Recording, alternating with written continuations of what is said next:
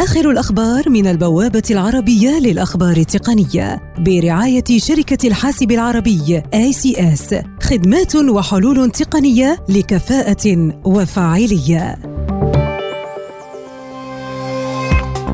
مالكو هواتف جالاكسي إس 10 في الولايات المتحدة يؤكدون وجود عيب في الهاتف يؤدي لنفاد البطارية بسرعة حيث تعمل الشاشة من تلقاء نفسها طوال الوقت.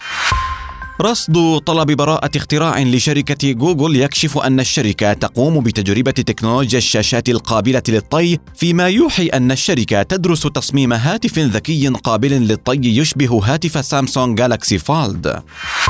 واتساب تعتزم اختبار ميزة جديدة تتيح لمستخدميها سهولة تصفح الإنترنت وزيارة المواقع الإلكترونية دون مغادرة واتساب وتعرض ما إذا كان الموقع آمنا أم لا. كاسبرسكي لاب تكشف عن ثغرة أمنية جديدة في نظام ويندوز يعتقد أنها تستغل في شن هجمات موجهة من قبل اثنتين على الأقل من مجموعات التهديدات التخريبية إحداهما مجموعة ساند كات المكتشفة حديثاً. هبوط أسهم شركة فيسبوك بنسبة 5% قبل أيام إلى أدنى مستوى لها في ثلاثة أشهر تقريبا بعد رحيل مفاجئ لمسؤول بارز في فيسبوك بالإضافة إلى عرض محتوى التطرف السياسي العنيف.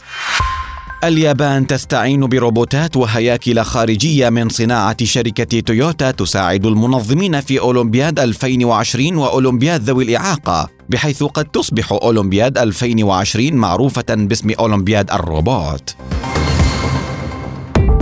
آخر الأخبار من البوابة العربية للأخبار التقنية برعاية شركة الحاسب العربي ACS خدمات وحلول تقنية لكفاءة وفاعلية. لمزيد من تفاصيل هذه الأخبار وأخبار عديدة يمكنكم زيارة موقع البوابة على شبكة الإنترنت aitnews.com